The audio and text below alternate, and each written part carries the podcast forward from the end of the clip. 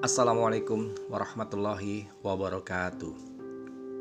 Nasihat Yazid Ari Koshi pada dirinya sendiri.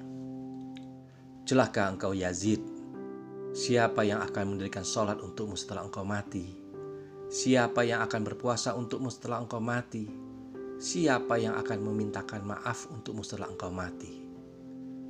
Lalu Yazid berkata, Wahai manusia, mengapa kalian tidak menangis dan meratapi dirimu selama sisa hidupmu.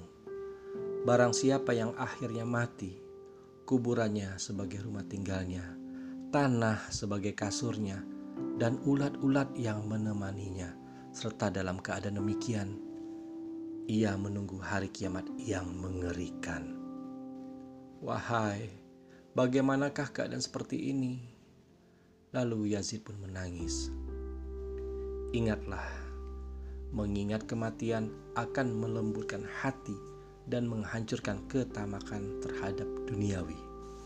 Rasulullah Wasallam bersabda dalam hadisnya yang disampaikan lewat sahabatnya Abu Hurairah yang diriwayatkan oleh At-Tirmizi. Perbanyaklah kalian mengingat pemutus kelezatan yaitu kematian. Semoga bermanfaat.